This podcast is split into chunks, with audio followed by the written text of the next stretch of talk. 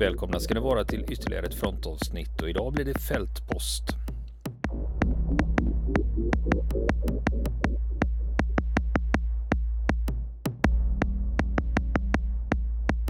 Har du Niklas, eh, nu ska vi eh, köra lite fältpost. Ja, men innan vi gör det ska vi inte ta och prata lite om elefanten i rummet. Jo, det, det hänger nämligen ihop. För om vi tittar på mängden meddelanden och mängden mail och mängden inlägg på våran Facebook-sida det sista så har det slagit ett rekord. Det ja. finns inget enskilt ämne som så många människor har hört av sig om. Just det. Och ja. det är ju förstås vår ryske fallskärmsjägare. Som ja, har kunnat Pavel följa. Filatjev, Pavel Filatjev, ja. Just. Folk har undrat varför avbröt ni? Ni hade ju ja. publicerat åtta avsnitt och plötsligt en dag så är alla avsnitt borta och det finns inga nya avsnitt. Just det. Vad är det som har hänt?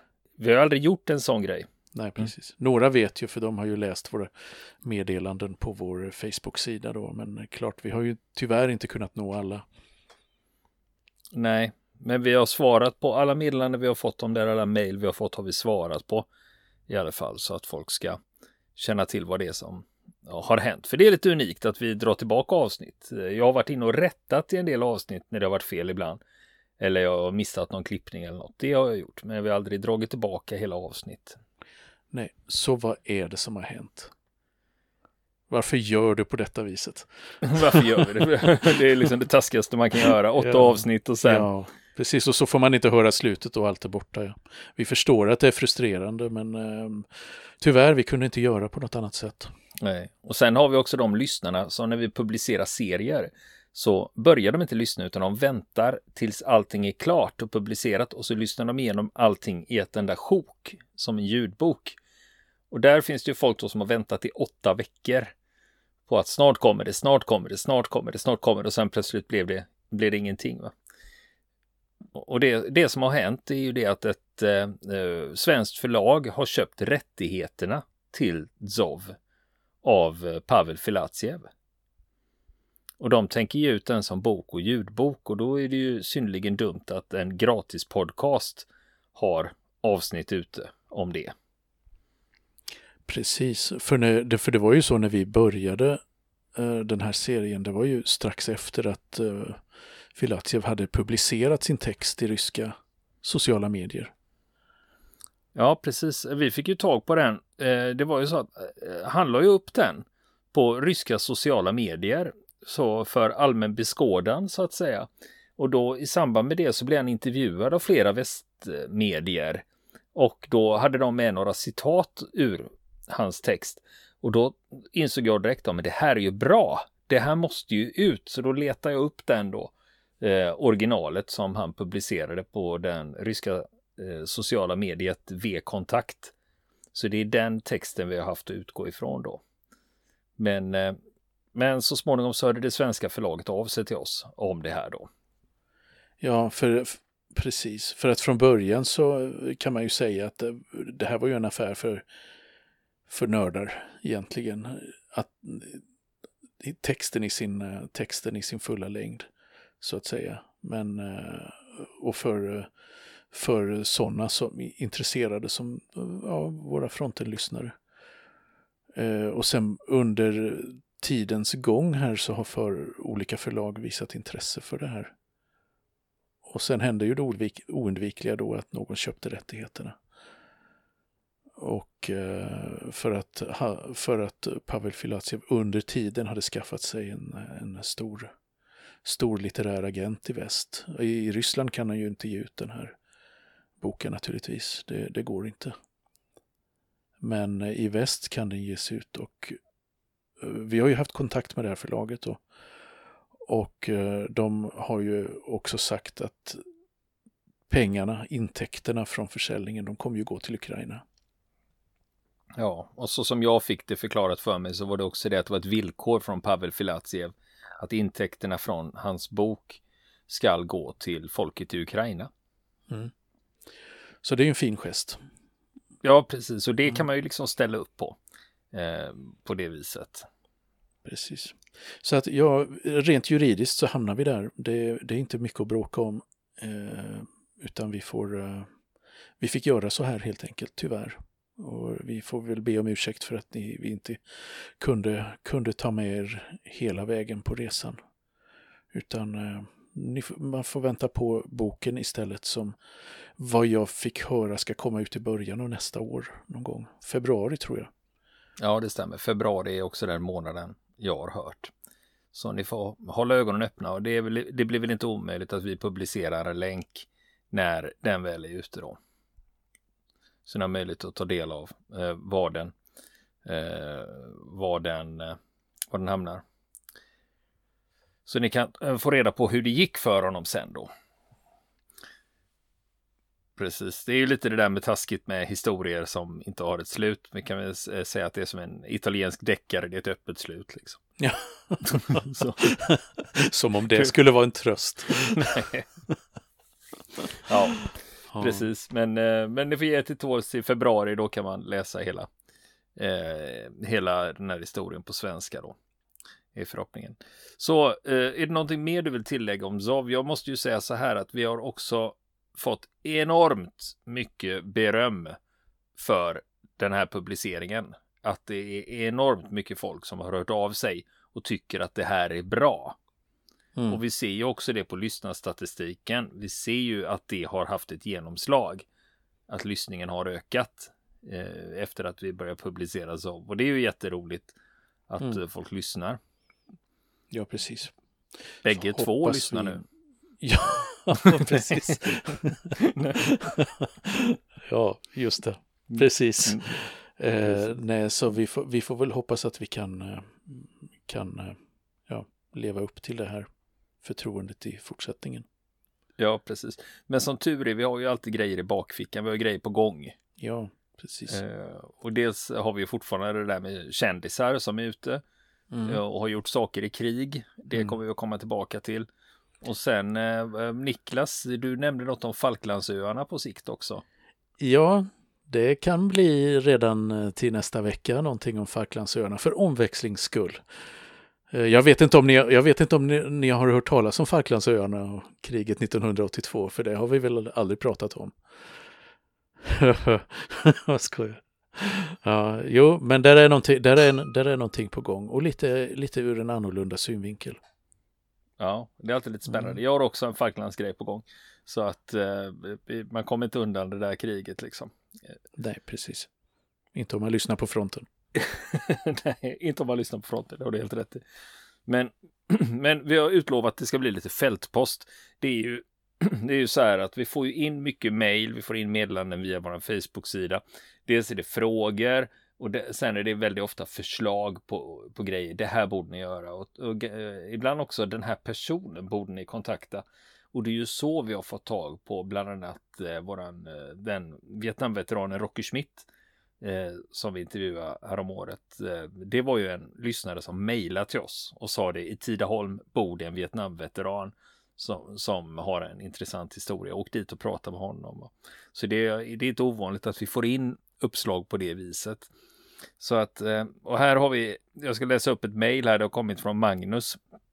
Mm. Hej Magnus. Hej Magnus, ja precis. Han, eh, han, vill, han missar aldrig ett avsnitt, bra jobbat. Nu till saken. Jag tycker att ni någon gång skulle ta upp det något bortglömda slaget om Cherkassy-fickan på östfronten 44. Det mesta som uppmärksammats om östfronten annars är Stalingrad och Kursk. Och eh, Niklas, då är det ju det här med Cherkassy. Eh, uttalar jag det rätt förresten? Ja, det gör du. Cherkassy. Ja. Ja, vilken tur. För det, mm. det är ju det här med ryska uttal. Nu har jag hållit på med Zov så jävla länge så att jag börjar, jag börjar vässa. Ja. börjar, börjar, börjar bli vass på det här nu. Ja, just det. Jag, först, jag mm. förstår. Men, det, men, det, men precis uh, som, uh, och jag kan ju hålla med Magnus här. När, för när, när man säger Stalingrad, ja just det, ja, det var det. Och så Kursk, ja just det, det var det. Men Cherkassy-fickan, den, vad var det som hände då? Ja, vi kan ju börja med att placera Cherkassy eh, geografiskt. Det ligger i Ukraina.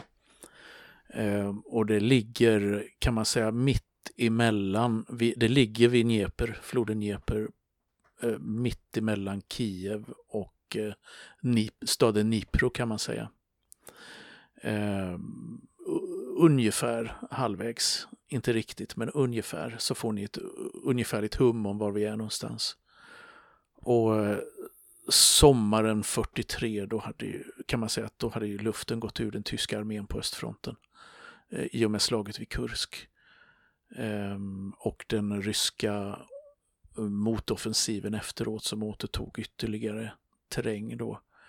Eh, det har ju funnits diskussioner, det är ett sidospår i och för sig, om, eh, om, eh, om slaget vid Kursk om, var en så stort nederlag som det har ofta framställts i litteraturen och det har ju bland annat eh, militärhistoriker Niklas Zetterling varit skrivit mycket intressant om det. Eh, men, eh, men hur som helst, efter sommaren 43, hur man än ser på det, så hade initiativet på östfronten övergått till, till Röda armén. Det vill säga det är Röda armén som agerar och den tyska eh, ar armén på östfronten som är tvungen att reagera på vad som händer. Och eh, det som inträffar vid eh, floden Dnepr under de första veckorna eh, 1944 eh, en stort slag som brukar kallas för slaget vid Korsun Cherkassy på, i västerländska källor och sen ryssarna har, har en annan eh, eh beteckning på det. De kallar det för Korsun Shevchenkovskaja Operatia. Alltså eh, eh Korsun Shevchenkovski-offensiven. Så den har lite olika namn då på olika, olika språk kan man säga. De olika deltagarna kallar den för olika saker. Tyskarna kallar den för Tjerkassy. Eh, slaget vid Tjerkassy. Och eh, det var alltså ett, ett stort slag där två sovjetiska armégrupper var inblandade. Det var två armégrupper som eh, de kallas för första och andra ukrainska fronten eh, som leddes av eh, de två generalerna Nikolaj Vatutin och Ivan Konjev. Konjev var den enda av dem som överlevde kriget. Vatutin dödades inte långt efter det här slaget i ett bakhåll av partisaner, har det uppgetts. Eh, men de här två generalerna genomför med sina trupper en mycket stort upplagd offensiv med flera hundratusen man inblandade i, från slutet av januari till mitten av februari 1944 där de lyckas omringa en stor del av eh, den, eh, eh, den tyska armégrupp Syd. Eh, det var flera eh, armékårer, jag har för mig att det är två stycken, eh, som, eh, som blir omringade på ungefär 30, 30 000 man i varje armékår. Sammanlagt 60 000 ungefär mellan tummen och pekfingret. Eh, några dussin stridsvagnar och ett eh, 200-300 artilleripjäser som alltså blir fångade i en säck, alltså de blir omringade av, eh, av Röda armén under den här vinteroffensiven eh, i Ukraina då. Och eh, där Röda armén sen under flera veckor genom hårda anfall och artilleribeskjutning försöker utplåna de här omringade tyska trupperna. Som till slut beslutar sig för att göra en utbrytning. Eh, I samarbete då med, eh, med andra tyska styrkor då som ska möta dem på vägen. Och eh, den här utbrytningen blir, den lyckas bara delvis. Det blir oerhört stora förluster för de tyska trupperna när man försöker ta sig ut och löpa gatlopp så att säga eh, förbi de, de, de ryska stridsvagnarna och kanonerna. Och eh, tanken var ju från den Röda arméns sida då att man skulle ha gjort ett stort genombrott i den tyska fronten men det, man lyckades inte med den målsättningen då trots att eh, eh, man, eh, man rejält lyckades nöta ner den tyska armén på den södra delen av östfronten. Eh, man förlorade i princip all, alla tunga vapen som var inblandade i de här striderna. Och eh, mycket av manskapet då är stupade och fångar. Eh, så att eh, det här, det här är ett oerhört dramatiskt eh, operation. Speciellt sett då ur tysk synvinkel. Och speciellt de som överlevde då mot alla odds. Eh, och eh, också ett tecken på att kvaliteten på den Röda armén vid den här tiden hade förbättrats så kraftigt att de hade visat sig kunna genomföra storskaliga operationer på ett sätt som påminner om eh, vad tyskarna hade lyckats med under blixtkriget genom att omringa stora tyska, stora fientliga truppstyrkor. Eh, men det här är ju någonting naturligtvis som vi skulle kunna komma tillbaka till i detalj för det finns många dramatiska vittnesmål från tyska trupper som var inblandade i, i eh, de här striderna. Kan man säga. Och ehm, ja, en av de tyska kårcheferna förlorade livet. Han, han eh, stupade under utbrytningen där. Han var chef för den elfte armékåren och hette Wilhelm Stemmermann. Och eh, ja, han kom att ingå i skaran av tyska generaler som stupade i strid under andra världskriget. Under, eh, och det skedde just under den här utbrytningen som de omringade tyska trupperna gjorde. Mm. Nej, men jag håller med dig. Det, det, det är också lite lurigt när det gäller de här stora grejerna. Att det kan vara svårt att få ett grepp om det. Ibland har ju vi valt att liksom man följer en enskild soldat liksom och så genom hans ögon så skildras det här då. För det blir ju, det blir, för jag har ibland väldigt svårt att begripa när det gäller liksom, det är sådana här enorma mängder folk liksom. Så jag har sagt det flera gånger tidigare i fronten liksom. En, en infanteripluton liksom, en skyttepluton, det kan liksom det fattar jag liksom, det kan jag se framför mig liksom, det har jag koll på. Liksom, men det, när det blir de här gigantiska mängderna med mm. folk. Va, det... Vi snackar arméer och armégrupper. Då är det, då är det på en helt annan nivå. är det.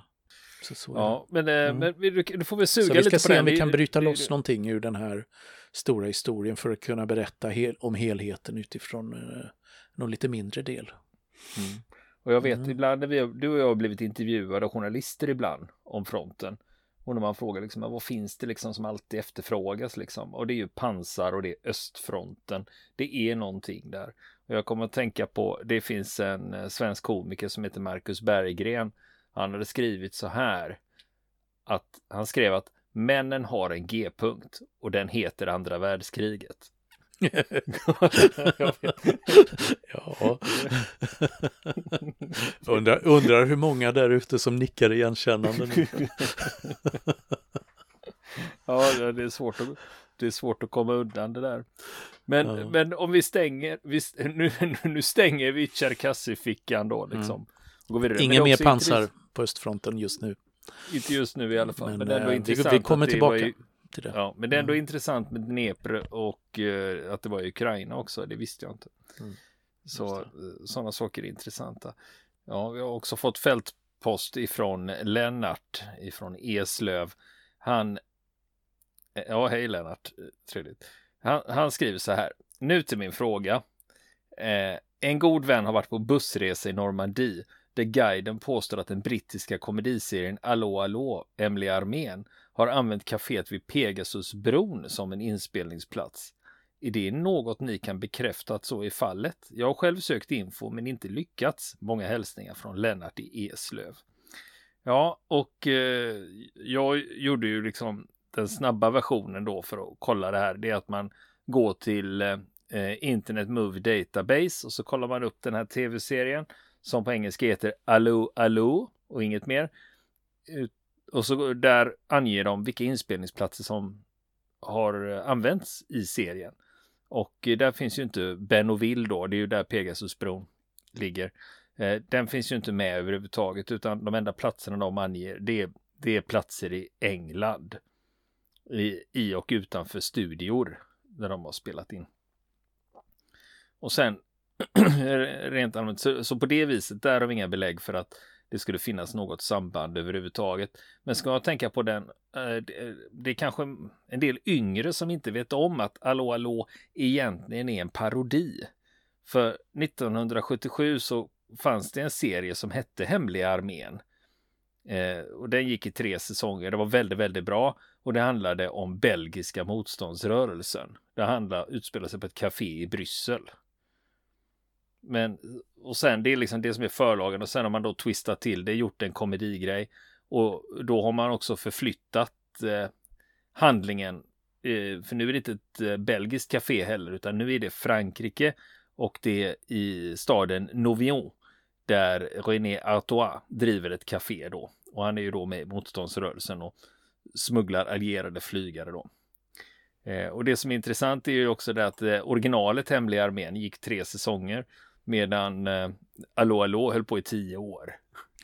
Så, ja, och grejen är att det är ju lite, alltså den var ju väldigt rolig men samtidigt är det ju lite sorgligt att de lyckades ju fullständigt massakrera en, en bra dramaserie med Allo Allo. Ja, men det, ju, det, blir ju lite så att folk kommer ihåg Allo Allo men folk mm. kommer inte ihåg originalet liksom. Nej. Som var riktigt men, bra. Ja, med Reinhardt och Kessler och de elaka tyskarna. Precis. Sturmbannführer Kessler ja, och ja. major Reinhardt från Luftwaffe som jagade, jagade allierade piloter som smugglades ut ur Belgien och Frankrike tillbaka till ja. Storbritannien. Mm. För det hade varit roligt mm. att se Hemliga armén nu och se hur håller den. För jag vet, jag såg den med stor behållning när mm. den gick. Eh, Jajamän. Eh, det var i början av 80-talet där, typ ja. 81 kanske kan ja. det ha varit där omkring. Det kan stämma att den visades ja. i Sverige på, då vid den tiden. Det. Men det, ja, det kan vara värt att kika mm. på och se om det håller liksom. För så som jag minns det så var det bra. Ja, just det. det en bra serie. Sen jag för mig det blev en spin-off på den också som bara hette Kessler. Det stämmer, det stämmer. Man eh, gjorde en, gjorde... en säsong jag tror det var ett tiotal avsnitt som handlade om, om Sturmbannführer Kessler efter kriget när han gömde sig i Sydamerika. Ja. Då. Så att, eh, och den var, den var inte dålig heller som jag minns det. Eh, klart, det kan ju ha åldrats eh, en del om man skulle återse det idag. Det är ju alltid risken med sånt som man tyckte var bra en gång i tiden. Men, eh, men jag tror att eh, det vore roligt att se den igen. Det vore det. Båda delarna. Precis. Där. Och då undrade ju här om hemliga armén. Och du har, rätt, eh, du har mm. rätt i det att det visades i början på 80-talet. Det visades tre somrar i rad i SVT. Aha. Det var 1981 till 1983. Okej. Okay. Mm. Men sen du den här serien Kessler förresten. Jag hade nämligen glömt av den helt och hållet fram till för ett litet tag sedan när jag fick reda på att huvudrollsinnehavaren eh, Clifford Rose eh, eh, Kessler, eh, alltså, han dog 6 november förra året. Och då blev det lite uppmärksamhet i sociala medier att åh, Clifford Rose har dött, Kessler har dött liksom. Ja, just det, just det. Ja, det, det då blev det en liten revival där, uppmärksamheten mm. kring det. Ja, men sen mm. om vi då mm. tittar, om vi, om vi vänder på frågorna nu och eh, istället fundera på eh, det här med Pegasusbron som egentligen var grundfrågan. För den förekom ju bland annat i, i Den längsta dagen. Mm. Just det. Eh, och sen finns det också en annan eh, liten kortfilm. Eh, som, eller en liten kort dokumentär från, 19, eh, från 2014. Eh, där man har varit och filmat. Och sen finns det också ett franskt drama som eh, där man har spelat in eh, scener på en skola i Bennoville. Eh, filmen heter Ung snut från 2005. Jag brukar annars tycka att fransk action och fransk krim brukar vara bra så man kanske ska slänga ett öga på den bara för att de har spelat in det i en förskola i Bennoville. Då. Mm. Ja, visst. Eller, Precis. Eller, eller grundskola. Just det, just det. Men alltså tillåt mig tvivla på att den är inspelad på Café Gondré vid Pegasusbron. För att eh, de som av våra lyssnare som har varit där vet att det här är ett eh, litet fristående hus med ett pyttelitet café inuti där det inte får plats speciellt många människor inomhus. Så att de skulle ha gjort det till platsen för ett eh, café i en fransk stad. Eh, ja, det är jag högst tveksam till. Rimligheten i. Ja, så, att, så vi, vi, kommer ja. inte längre med den frågan i alla fall, utan de, vi har kollat så långt vi kan och sen är det stopp. Då. Precis. Men sen måste man ju säga att det är ju ändå intressant med de här eh, flyktlinorna som man eh, som är själva utgångspunkten både för Allo Allo och, eh, och för eh, ursprungsserien då, Secret Army. Eh, där man alltså eh, piloter, flygbesättningar som hoppat fallskärm smugglades tillbaka av eh, franska och belgiska motståndsrörelsen till eh, på olika vägar då till, till Storbritannien. Och ett, liksom, ett välutvecklat nätverk med mycket människor inblandade som liksom eh, stod, hjälpte till med förfalskade identitetshandlingar, gömde folk, gav dem kläder, mat och så vidare och såg till att de eh, kunde slussas hit och dit då från ena, ena gömstället till det andra tills de plötsligt befann sig på en, en båt eller ett eh, flyg över Engelska kanalen eller i Spanien som då var neutralt och kunde ta sig ut via Gibraltar till exempel. På många olika vägar då. Så att det är en, det är en gigantisk operation. Eh, som sagt, där man tror att de som var inblandade, ja det kan ha varit så många som hundratusen personer som i hemlighet eh, arbetade med olika delar av de här flyktnätverken då som sträckte sig över Frankrike och, och Belgien i huvudsak då. Och, eh, alltså det var ju flera tusen allierade flygare, både britter och amerikaner, som, eh, som kom ut den vägen då kunde fortsätta kriget då, fortsätta eh, luftkriget. Eh, igen där, kanske så många som, som tre, mellan 3 och 5 tusen flygare som kraschat då i, i det tyskockuperade Europa. Mm.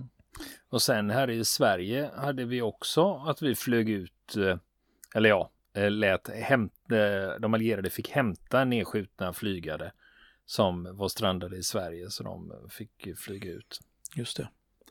Och just den del av flyktlinan som blev inspiration för hemliga armén och eh, Allå Allå, den kallas, hade täcknamnet Komet. Den riktiga förlagan då. Ehm, och den grundades redan 1941 och, eh, och var i drift ända tills de allierade trupperna befriade eh, större delen av Belgien och norra Frankrike då, 1944.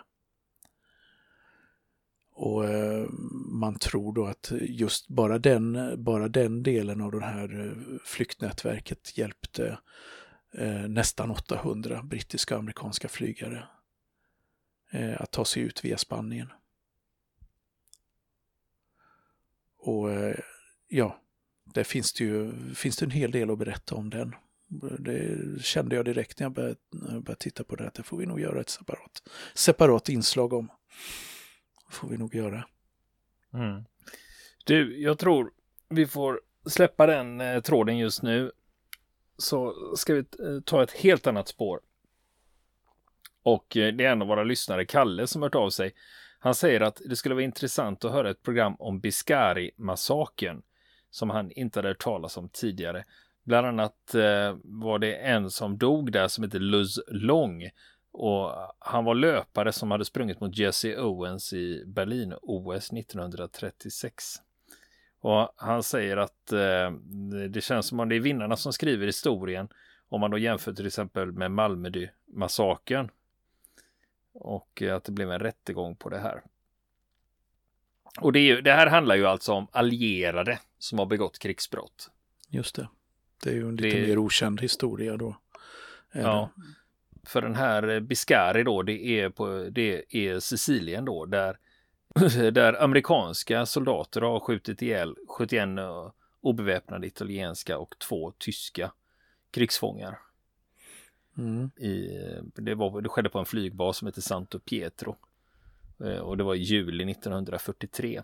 Och det här är ju eh, ett exempel på allierade eh, massakrer under andra världskriget.